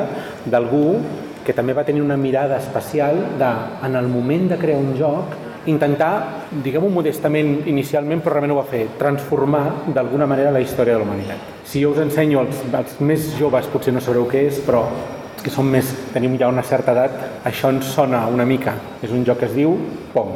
El Pong no va ser la màquina del temps, no va ser el joc que va ser el primer joc i per tant va transformar totalment la manera d'entendre. No, perquè hi havia jocs abans. Videojocs hi havia abans. Jocs davant d'una pantalla feia més de 15 anys que s'estaven fent. Per exemple, coses tan, deixem-ho posar entre cometes, visualment vist des de l'any 2014, meravelloses com això, que és un joc de tennis per dos jugadors, però quasi bé és més un experiment lúdic per programadors que no pas un joc. Un joc de finals del 5 de la dècada dels 50 i que, per tant, a partir d'una màquina que no estava pensada per jugar, es crea un joc on es juga a tennis per dos jugadors. El personatge que està al darrere del Pong tornem a recordar el Pong com a model, és un personatge que es diu Nolan Bushnell, i ell va creure que això tenia moltes possibilitats, que aquests 3-4 videojocs que s'havien fet tenien possibilitats i es podia fer alguna cosa diferent. I va fer un intent, i ara veureu que aquest intent és molt, molt dels 70. Va crear una màquina com aquesta. Llavors, la màquina, tot plegat l'estètica, eh, els personatges que l'acompanyen, la idea ja començava a apuntar. Ell va dir, escolta, hem d'intentar transformar d'alguna manera el tipus de jocs que es fan quan tu vas a un bar. Pot haver un joc del, del joc del millón, mm, una evolució del bagatel, eh, dels bagatels que hem jugat alguns, una evolució d'aquest tipus de joc, anem a transformar-ho utilitzant una pantalla i crear aquest, aquest joc que té un problema, que és que és complicat. La gent no l'enganxa perquè el joc que fer-ho, clar, és el primer, és el primer que surt al mercat i realment havia massa cosa pel mig i el món no estava preparat. Però aprenent d'aquestes dues coses, i al cap d'un any, estem en 1972, després d'un any d'haver-se equivocat amb aquesta màquina, i amb un pressupost irrisori, que era una companyia que es diu Atari, aquest sí, eh? aquest se'n sona, eh? Atari va, va transformar, tots, hi ha una persona que dius, això forma part del meu, del meu dia a dia. Atari, el nom surt jugadors de Go, hi ha algun jugador de Go, que sàpiga jugar, mm, sí, hi ha algun que li agrada jugar a Go, algun que no li agrada jugar a Go. És, un, és, un, és una paraula que es diu com a l'escac dels escacs, s'avisa quan vas a fer un moviment que serà important al desenvolupament de la partida. Com després el Go sortirà, ja veurem una mica més de què va. 1972, busquen un enginyer i li diuen, escolta, necessito que em preparis això que tinc al cap, un joc simple i que puguem portar en una taverna i que la gent s'hi pugui jugar i s'enganxi. M'imaginarà una proposta diferent, una idea que li doni una proposta de valor. I aquest personatge, que es diu el Alcorn, busca que hi ha al mercat i ja comença a haver algun videojoc molt semblant al que genera el Pong i s'inventa, genera, crea un joc molt simple. Un joc que, és, que, que reuneix, que, que soluciona tots els problemes que tenia. Aquella dificultat que tenia la màquina anterior el soluciona. Que era una màquina tan fantàstica com aquesta. Diuen, expliquen que el dia que la van aprovar es posen a una taverna, en una taula, diu la taula tenia un paper enganxifós, deixant la màquina a sobre, al costat tenia un, un caixetí per les monedes, i seuen a la barra a mirar què és el que passa. Com passa sempre en el món dels videojocs, s'explica poca cosa, és a dir, quan tu comences no saps mai què has de fer, el primer senyor que posa la moneda comença a jugar, que perd immediatament perquè no s'adona de que és un joc per dos jugadors. La cosa va funcionar bastant bé, es veu. El dia següent els van trucar de la taverna i ens van dir, escolta, la màquina s'ha espatllat. Però tots primer pensem, ja està, ja s'ha fet malbé, és una cosa que no funciona. No, no és que s'hagués espatllat, és que el caixetí de monedes estava ple. Per tant, van veure que aquesta primera proposta que van arriscar-se valia la pena fer-la créixer. I van dir, doncs ara és el moment de llogar una nau, començar a buscar treballadors tenien tan poca experiència que entre els seus treballadors havia uns quants expresidiaris. És el que els va donar bastant problemes a l'hora de generar la, aquestes 100 màquines al dia que volien generar en aquesta màquina. Però en poc temps van arribar a treure més de 100.000 màquines al mercat. Primera proposta de valor, ha creat una cosa que fins aquell moment no existia. Una màquina diferent a les que havia existit, que transforma alguna cosa que ja començava a, a pintar-se i que apareix a les tavernes, però van fer una segona proposta de valor, perquè van intentar enriquir una màquina que ja existia. La màquina de l'esquerra és una videoconsola casera, casolana, 1972. La gent que la volia comprar podia tenir aquesta màquina a casa. Aquesta màquina, eh, mirat a ulls d'avui, fa una mica de gràcia, tenia 12 cartutxos de jocs diferents, amb 27 propostes de joc. Els jocs, per tematitzar-los, bàsicament la màquina, l'estructura era la mateixa, i per tenir-los tematitzat hi havia uns vinils que s'enganxaven a la pantalla de la televisor i llavors tematitzaven el joc, de manera que podia jugar a mirar les, cap les capitals dels estats Estats Units o a jugar al, al Simon o tenia dos comandaments, tenia uns quants perifèrics i fins i tot havien desenvolupat una pistola per disparar contra la pantalla. I realment una cosa molt avançada al seu temps, però té un problema. Té el mateix problema que tenia aquesta màquina. És massa complicat. I per tant, aquesta videoconsola que va funcionar no va arribar a transformar el que va transformar la màquina que teniu a la dreta, que és simplement agafar el Pong que moltes persones ja coneixien perquè l'havien vist a les tavernes i perquè s'havien deixat els diners en els caixetins i portar-los a casa. I van arribar, a més a més, a un per aprendre una segona cosa, i és que l'altra videoconsola, l'Odyssey, tenia un problema, i és que era molt difícil de comercialitzar. I els que van fer abans de treure al mercat es van posar d'acord amb una gran companyia. La companyia Sears va decidir comercialitzar aquest joc del Pong. I per tant, amb un Nadal van arribar a vendre 150.000 unitats d'aquesta videoconsola. Què és el que ens interessa? Què em sembla interessant a mi d'aquesta idea? Que té una proposta de valor, com tu deies abans. Tinc una idea, vull portar un tipus de joc davant d'una pantalla a qualsevol persona. Una, creant una cosa nova, portant-la a un lloc on no s'havia portat fins aquell moment, en un bar. I dos, millorant alguna cosa que ja existeix, agafant les característiques d'un d'objectes que són unes consoles de joc que tenien a casa, i donant-los una capa interessant, simplicitat, això és importantíssim, i la segona cosa, bona comercialització per arribar a totes les persones que volien arribar. I, com si juguéssim al Pong, et toca. Toca. Doncs, eh, Després de dir que i afirmar que darrere una marca ha d'haver-hi segur una proposta de valor, sens dubte, si no la marca no, no va enlloc, dono la, que crec, segona clau, vale? que és que una marca que no comunica, que no es comunica, que no es comunica, no és una marca. És mm, una marca, en tot cas, una marca morta. Potser és una afirmació una mica radical, però, però la penso, la penso, la reflexiono i us, us donaré un exemple. Coneixeu el, el concepte branding? Branding ve de brand, que en anglès vol dir marca, i brand en anglès vol dir marcar les vaques. Sí, les, les vaques les marcaven al foc eh, i deien aquesta vaca és meva. Aquesta vaca eh, no és la vaca del meu amic, no és la vaca del col·lega, sinó que és la meva vaca. És a dir, en el fons estaven fent, eh, estaven comunicant a través de la, del brand, del foc, que aquella vaca era meva i que aquella vaca tenia una alimentació, tenia un tractament, tenia una herència que era diferent a la, a la vaca del costat. És més, em puc remuntar fins i tot, perquè ho he fet, Wikipedia és fantàstic amb això, d'on va sortir la primera marca registrada.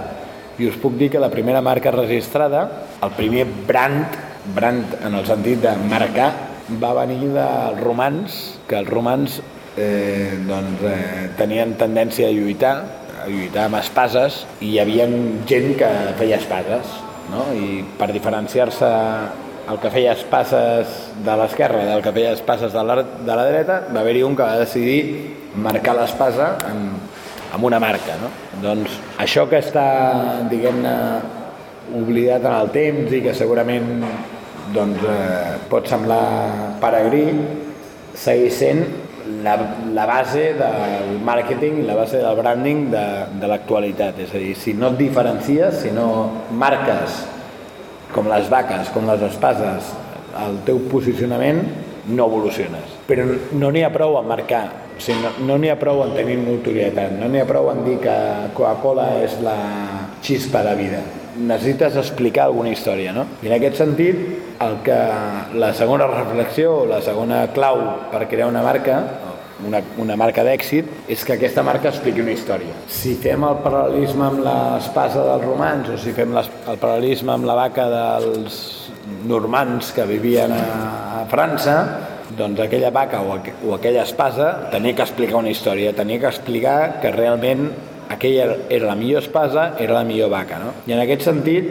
tornant al segle XXI, us diria que les marques d'èxit són, les marques que expliquen històries. Les marques que, més enllà de tenir notorietat, més enllà de ser reconegudes des d'un punt de vista de logo, des d'un punt de vista de reconeixement a nivell de naming, a nivell de, de logo, són marques que expliquen històries. Són marques que darrere seu hi ha una sèrie de valors, hi ha una sèrie de posicionaments, hi ha una sèrie d'idees que aquesta marca defensa. I en la mesura que aquestes marques defensen unes idees, defensen uns valors, defensen uns posicionaments, aconsegueixen que els seus consumidors se sentin atretes per aquestes marques. Jo, com sempre, tornaré al mercat de la cervesa. Prendre una cervesa és un exercici molt fàcil, no? És dir, posi'm una cervesa, posi'm un quinto, posi'm una canya, posi'm una copa. La diferència que hi ha entre posi'm una canya, posi'm una copa, posi'm una canya és posi'm una Moritz. Quina diferència hi ha entre posi'm una canya i posi'm una Moritz? Doncs tot el treball que intentem, a vegades ho aconseguim i a vegades no ho aconseguim, que és que darrere d'aquesta petició hi hagi un esprit emocional per part del consumidor de que vol consumir una Moritz, no vol consumir una cervesa, vol consumir una Moritz. I això doncs es pot aconseguir amb publicitat, es pot aconseguir amb invertir molts milions en anuncis de Formentera, es pot aconseguir en 50.000 coses, però al final el consumidor no és idiota, el consumidor eh, tria, el consumidor valora el producte i valora la marca. I el producte, per suposat, com us deia, té que tenir, té que tenir allò... O sigui, jo sempre dic que el producte és una condició necessària però no suficient. O sigui, si no tens un bon producte no pots competir, és impossible, has de tenir un bon producte, però si no tens una marca eh, és molt difícil que, que siguis competitiu en el mercat. I quan es tracta de construir marca, es tracta de construir valors que defensin o que blindin allò que el teu consumidor valora. Quan la Moritz es posiciona com una marca, permeteu que us ho digui així de clarament, catalanista, ho fa amb total intenció. Vull dir, no ho fa perquè, perquè sí, fa perquè té una intenció, perquè té intenció que el consumidor que valora el producte cervesa i que alhora valora els productes elaborats a Catalunya amb DO Catalunya, però no, no, no DO Catalunya des d'un punt de vista estrictament geogràfic, sinó des d'un punt de vista emocional, quan prengui una Moritz estic convençut que s'està fotent la millor cervesa que es podia fotre. Fer això i no caure en el... com us diria jo? amb el... em costa dir-ho, eh? però no caure amb allò que algú podria interpretar com ho fan per vendre, m'enteneu? Eh, doncs té certa complicació. I nosaltres ho hem intentat fer des d'un punt de vista molt natural, molt lògic, molt coherent, a llarg termini, i per això penso que al final les marques i la marca Moritz en aquest, en aquest context són marques que finalment acaben sent el que, el que fan. Tu opinaràs el que opinis de la marca Moritz no perquè jo t'expliqui el que és la marca Moritz, sinó perquè tu percebis el que és la marca Moritz. Però realment, realment crec que el branding i el màrqueting del futur es basa en això. No es basa en la publicitat, no es basa en explicar que ets el més guapo i el que renta més blanc i el que no lo dude usted, eh, esta marca és la que lava más blanco, sinó que es basa en el que fa. Ara, ara vaig a fer una cosa que és molt lletja, que és aprofitar-me que tinc el micròfon per llançar-te una pregunta. Perquè quan anaves explicant que Moritz ha comunicat a un cert tipus de públic un cert tipus de marca, posicionament concret a la marca. Dóna'ns un parell d'exemples d'un parell d'accions concretes que tu si dius, això va ser decisiu o va ser interessant perquè el, la gent percebés la marca com alguna cosa pròpia i no com alguna cosa que m'estiguin venent. Hi ha càmeres aquí? No. Hi ha una gravadora, però podem tallar després. Ets un cabron aquesta pregunta, però et diria que, per exemple, és evident que la marca Moritz és una marca que des d'un punt de vista de sentit de, perten de pertinença doncs hi ha pocs dubtes que sap on es posiciona i tal. Però alhora ens posicionem també en un mercat tan diguem-ne heterogeni com és el de la moda. Vale? Al mercat de la moda doncs hi ha tot, hi ha pijos, hi ha hipsters, hi ha modernos, hi ha, hi ha tot. I com aconsegueixes tu que una marca que té un posicionament, diguem-ne, marcadament catalanista, alhora sigui, pugui apel·lar a un mercat o un consumidor tan diferent com és el... Hi ha algun bigoti aquí? No. No?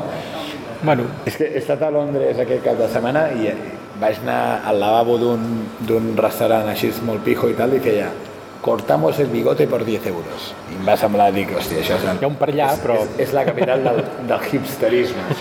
No, vull dir, en un mercat tan hipster com pot ser de la moda, com, com es combina el hipsterisme amb...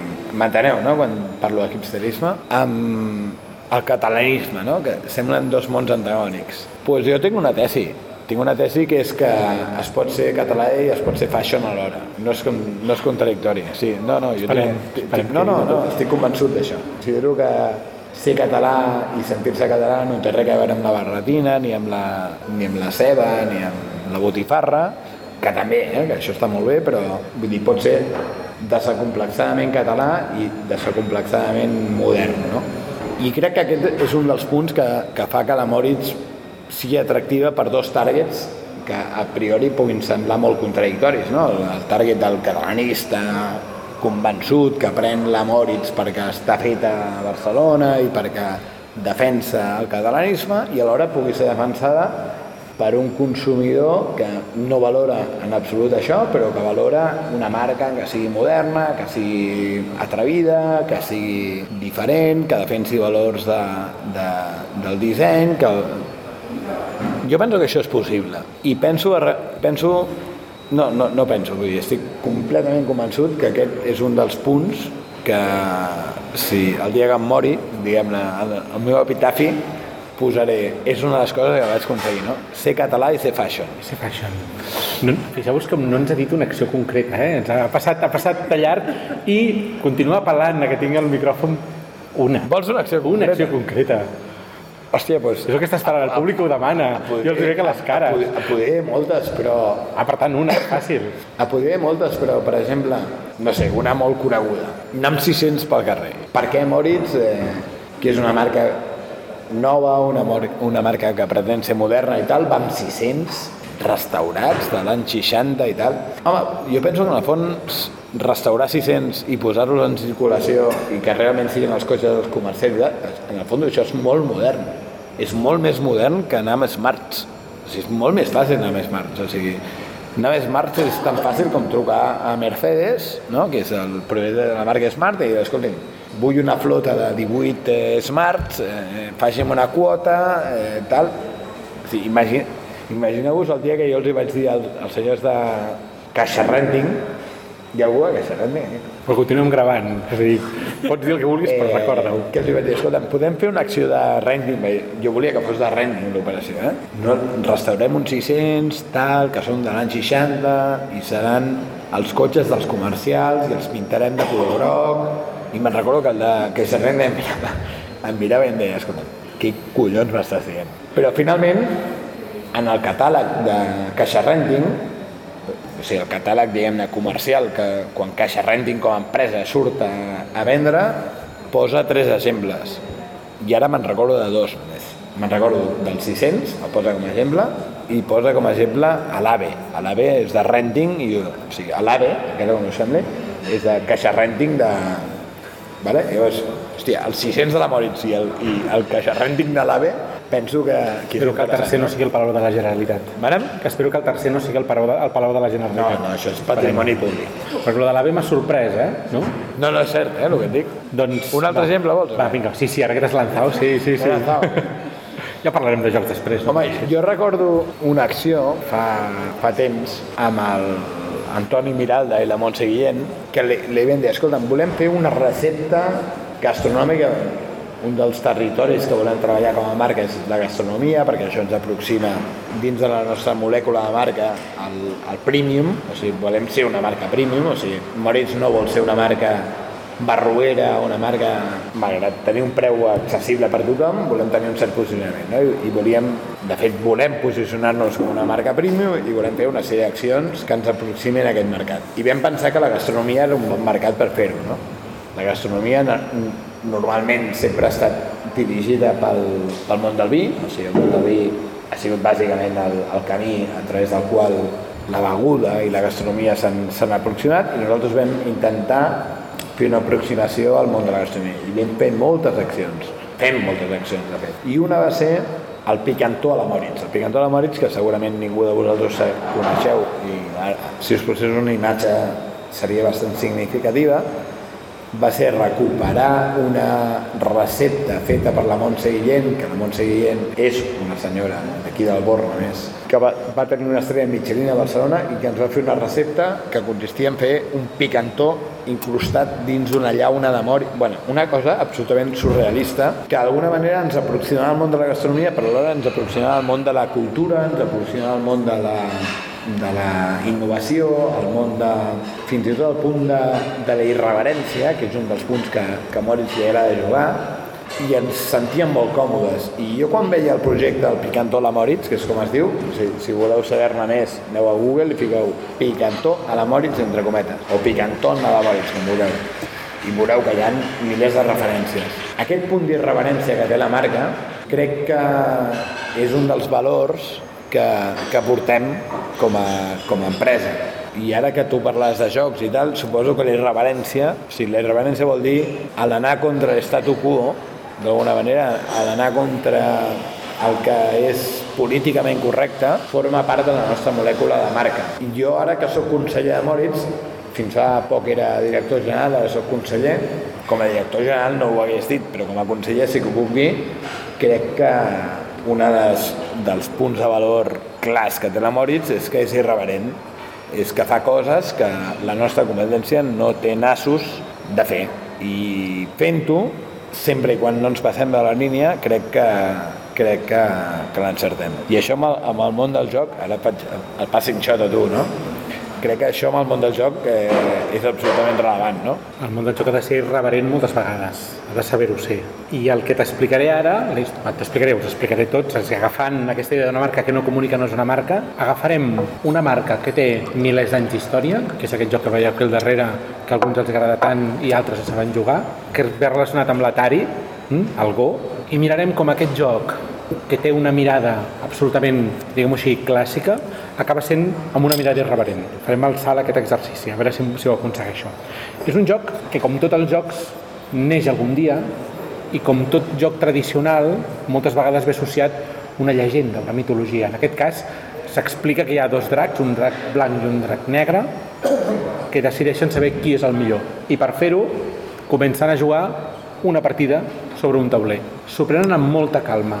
Busquen un àrbitre que vagi mirant i aquest àrbitre va comprovant que ningú faci trampes. Diuen que s'ho prenen amb tanta calma que encara hi són i van començar fa uns quants milers d'anys. Aquesta és una de les llegendes que ens expliquen l'origen. El que és cert és que el món xinès és un joc que té una rellevància important dins d'un sector, d'una capa de la societat determinada, que és la capa benestant, la capa de la noblesa. I quan arriba al Japó cap al segle VII, també només poden jugar aquelles persones que són nobles. Per tant, aquesta marca, aquest joc del Go, en aquesta societat japonesa o en aquesta societat xinesa, comunica alguna cosa.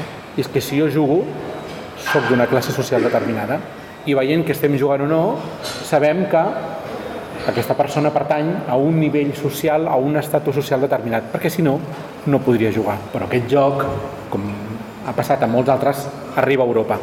Arriba a Europa, a Europa més o menys cap al segle XVII, i comença a prendre cert interès entre un altre tipus de personatges. Ja no es tracta d'una elit, d'una casta només per poder, un poder determinat, sinó que una de les primeres persones que comença a parlar és Leibniz, el matemàtic, que comença a parlar-ne del joc i comencen, per tant, a jugar-hi dins dels sectors matemàtics.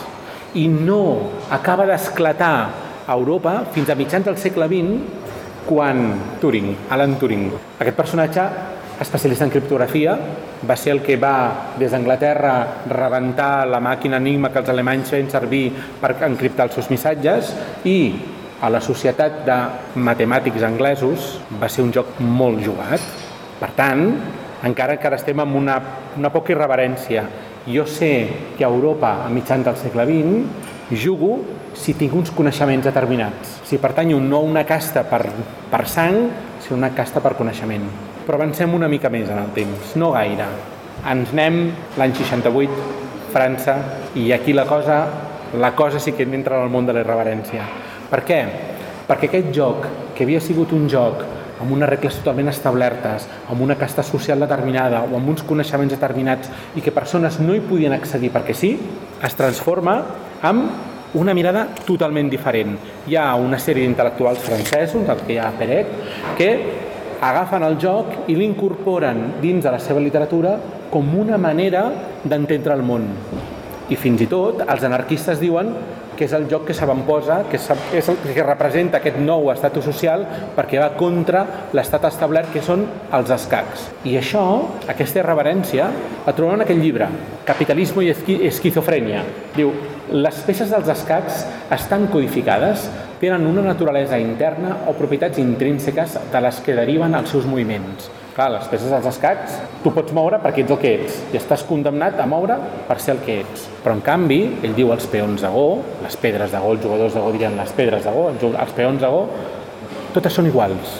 Són boles, són fitxes, són simples, són unitats que tenen una funció anònima, col·lectiva o de tercera persona. Per tant, jugarem al Go com una manera d'enfrontar-nos a l'Estat. Nosaltres som entitats independents del Go davant de l'estat dels escacs. Per tant, aquest Go, que havia sigut un joc que havia tingut una relació molt directa amb una casta social determinada, amb una casta intel·lectual molt determinada, jugo a Go perquè m'identifico amb ell per les seves idees. Utilitzo el Go com a eina d'irreverència, jugant una cosa que ningú coneix què és, però que s'identifica amb aquella manera que jo tinc de pensar. Per tant, el Go, joc que comunica. Et toca. Molt bé. Fa poc vaig enviar un tuit a la gent de Reebok. Crec recordar que deia la carrera més important de la teva vida és la teva vida. I ho vaig comparar amb el lema de Nike, o Nike, que és Just Do It.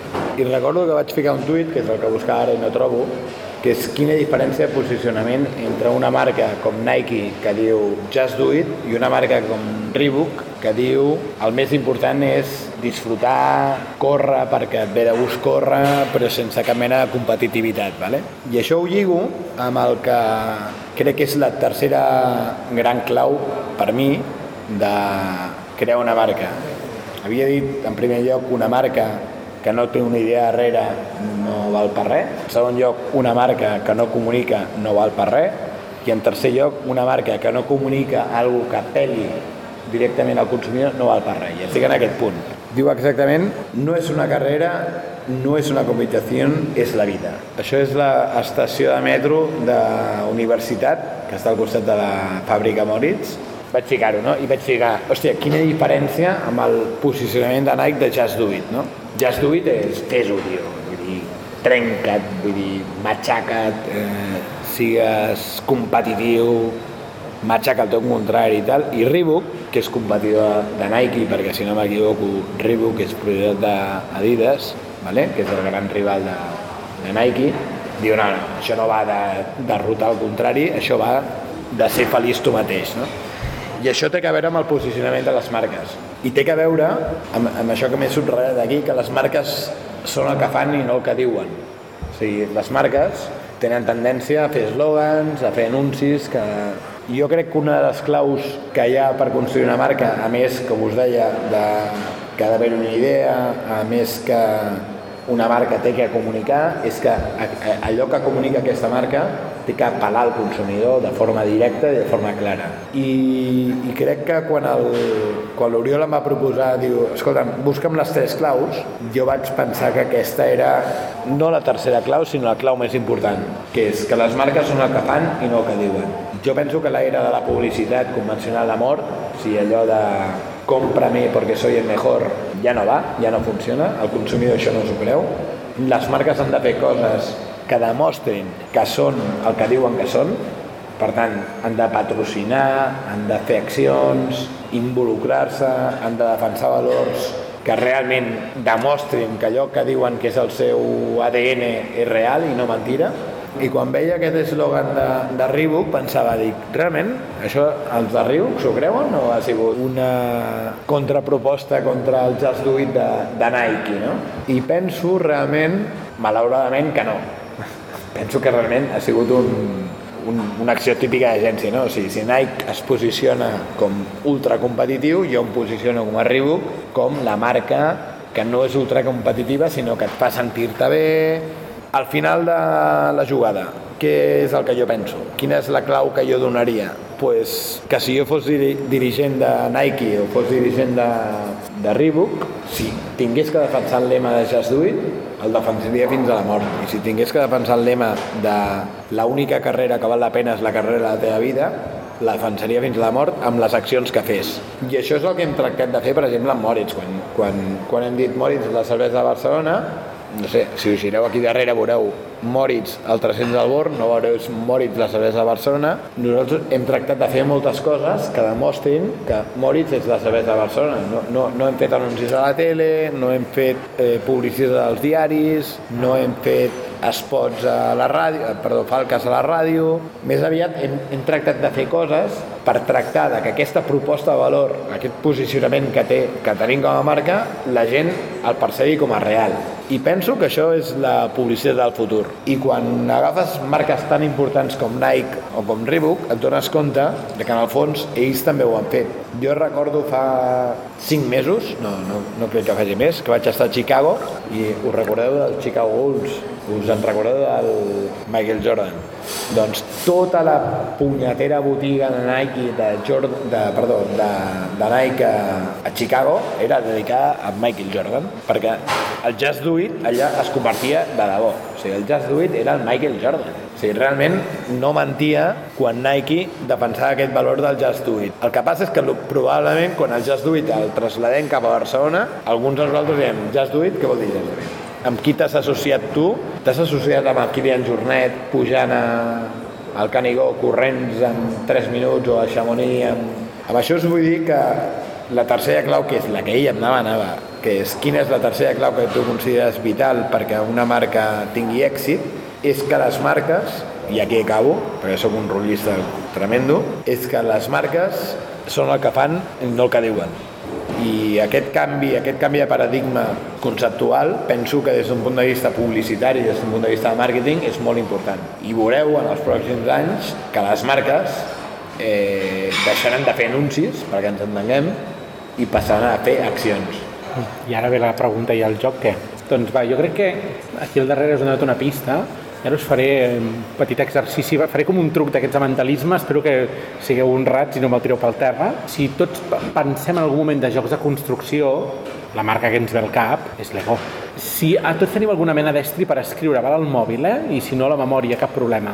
Jo us proposo que intenteu pensar dos valors que Lego creu que per ells són els seus valors. I després mirarem quins són els seus, a veure si anem encertat. Va, fem l'exercici, un segon, apunteu allò al mòbil, en paper, els que porteu paper, a la memòria els que no porteu res per escriure, seré bona persona i aniré preguntant un per un, no patiu, sinó que el que faré serà mostraré el que ells diuen de si mateixos i preguntaré si, ho, si heu encertat o no. I si algú diu no, jo trobo faltar aquest altre, llavors ja escriurem a l'ego i ja fareu vosaltres el camí que faci falta. Ells de si mateixos diuen que són, tenen imaginació, creativitat, diversió, aprenentatge, atenció i qualitat.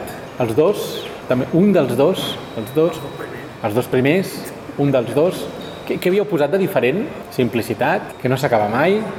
I això, com està 14 anys picant pedra cada dia intentant explicar què vol dir la marca Moritz, no es fa d'un dia per un altre, sinó que la història de l'Ego, en aquest cas, ens porta a entendre per què ells, avui en dia, poden dir, amb els seus encerts, amb les seves errades, per què poden arribar a explicar que l'ego té aquests valors aquí al darrere. La història de l'ego comença a 1918, quan no es deia l'ego.